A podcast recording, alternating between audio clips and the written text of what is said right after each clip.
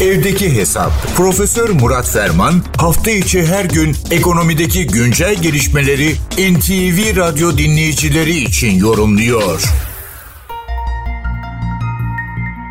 Dış ticaret istatistikleri Ocak 2024 sonuçları ortaya çıktı. Önemli bir veri çünkü senenin ilk ayına ait bundan sonraki dış ticaret performansının gidişatına, cari denge ile ilgili serim ve öngörülere elbette kaynak teşkil edecek. Buna göre Ocak ayında genel ticaret sistemine göre ihracatımız %3,5 artarken ithalatımız %22 oranında azaldı.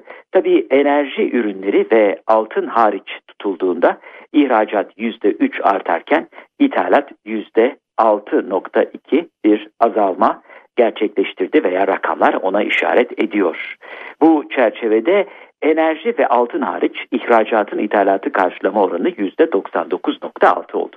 Yani enerji ve altını hariç tuttuğumuzda aslında dış ticaret açığımızın ortadan kalktığını görüyoruz Ocak ayı için. Bu önemli bir gelişme hiç şüphesiz. Tabii arka planda bir takım sıkıntılar var ama hemen bir genel değerlendirmeyle şunu söyleyebiliriz. Enerji konusunda dün Rusya'nın bir kararı var. 6 e, ay boyunca benzin ihracatını yasaklıyor. Bu tabii önemli bir benzin fiyatlarında yukarı yönlü dünyada bir artış sağlayabilir veya ortaya koyabilir. Bu bizim için hoş bir haber değil. Çünkü geçtiğimiz 6 ay içerisinde özellikle enerji fiyatlarında görece bir istikrar vardı küresel bazda. Bir başka haberde tabii şu yani bu Türkiye'nin en fazla gol yediği yer altın ithalatı. Altın hevesimiz, altın iştahımız bir türlü ortadan kalkmıyor. Dış ticaret dengesini sağlamak, cari açığı kapatmak için bu konuda mesafe almak zorundayız. Son 38 yılda reel olarak yalnızca %2 kazandıran yastık altında 250 milyar dolara ulaşan bir atıl varlığa sahip değerli bir metalden bir tercih, hayata bakış ve hayata karşı duruş metalinden bahsediyoruz. Dolayısıyla burada da e, mutlaka bunun altını çizmek lazım. Yani bu altın meselesinde bu denli ithalat iştahı devam ettiği müddetçe dış ticaret ve cari açıkta önemli bir gelişme veya sarahat sağlanamaz.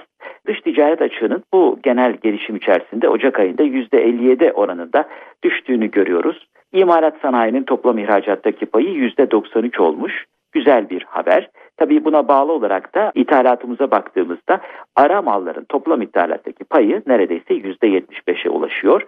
%73.2. Yani ihracata mal hazırlarken ithalat yapmak durumundayız. Bir elden ödüyoruz, bir elden almaya çalışıyoruz. Tabii alırken dolarla ve peşin olarak alıyoruz. Satarken genellikle avro ile ve taksitle satıyoruz. Bir de oradan bir rekabet sıkıntımız var. Tabii neredeyse dörtte üçü oluşturan aramalı ithalatının yanı sıra bir de tahmin edilebileceği gibi sermaye malları ithalatı var. Bu da yüzde on dört. Yani üretim yapabilmek için. ikisini topladığımızda neredeyse yüzde doksanı ihracata mal hazırlamak için. Emme basma tulumba. 40 yıldır devam eden mesele bu. Yani ithal ikameci e, e, endüstrilerden 80'li yıllarda veya stratejilerden ihracat temelli stratejilere geçtik. Ama orada da hep aynı model, hep bir sıkışma, hep bir artık işbağ noktasına gelme var. Çünkü e, enteresan bir unsur. Kompozisyon hiç değişmiyor. İhracattaki ilk beşte, ithalattaki ilk beşte son dönemlerde hiçbir yenilik veya canlılık sağlamıyor. Dolayısıyla bu açıdan baktığınızda aslında evet bir taraftan hakikaten rakamlar güzel ama Türkiye dış ticarette küresel fiyat artışından, küresel enflasyona bağlı fiyat artışından yararlanamamış gibi görülüyor. Çünkü dış ticaret haddimize bakıyoruz. Dış ticaret haddimiz ihraç ettiğimiz mallar birim değerlerinin ithal ettiğimiz mallar birim, değerler, birim değerlerine oranı Burada 9.2 puanlık bir iyileşme var geçen sene itibariyle. 85'in biraz altına gelmişiz. Ama 100 e, endeks değerinin altındayız gene. Yani ihraç ettiğimiz ürünlerin fiyatları ithal ettiğimiz ürün fiyatlarına göre daha yavaş artıyor. Bu da sürekli olarak hani 40 yıldır Shogo Shosha dış ticaret sermaye modeli şirketi modeline dayanan ihracat modelimizin artık tıkandığını gösteriyor. O kadar belli ki ihracatçılar yeni bir çözüm üretemiyorlar. Sadece daha değerli dolar istiyorlar. Daha değersiz TL üzerinden fiyat rekabetiyle devam etmek istiyorlar. Eğer bu fiyat rekabetiyle bu şekilde 40 yıldır yeni bir açılım sağlanamayan ihracat modeliyle sonuç alınabileceğini, rekabetçi avantaja ulaşılabileceğini düşünüyorsanız o zaman 29 Şubat tarihinde doğanların sadece her 4 yılda bir yaş aldıklarına da inanmak durumundasın. Bu genel bilgi paylaşımı ve ufuk turu çerçevesinde değerli dinleyenlerimize katma değeri yüksek ve yüksek katma değerli bir gün diliyor. Huzurlarınızdan hürmetlerle ayrılıyorum. Profesör Murat Ferman'la evdeki hesap sona erdi.